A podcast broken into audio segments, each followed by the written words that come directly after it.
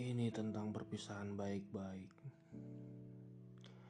Jika memang ada perpisahan baik-baik, maka yang merasa baik-baik hanya satu pihak saja. Pihak lainnya tidak akan merasa baik-baik. Hancur, sakit, dan pasti kecewa. Atau kedua-duanya sama.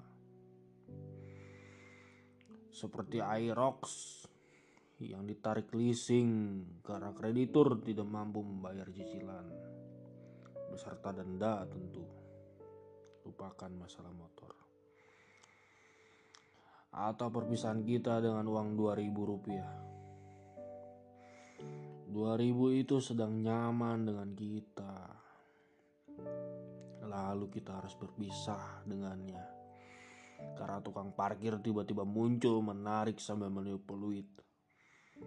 Sungguh, aku sanggup memundurkan motorku sendiri. Itulah saat kita berpisah dengan 2000. Tentu itu bukan perpisahan baik-baik.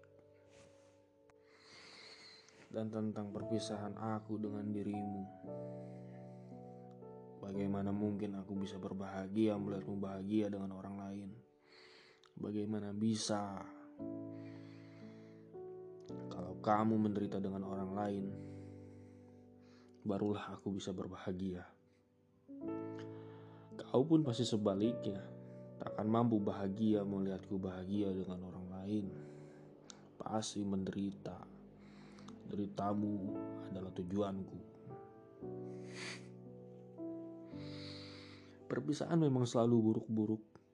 Sebab jika semuanya baik-baik saja, mengapa harus berpisah?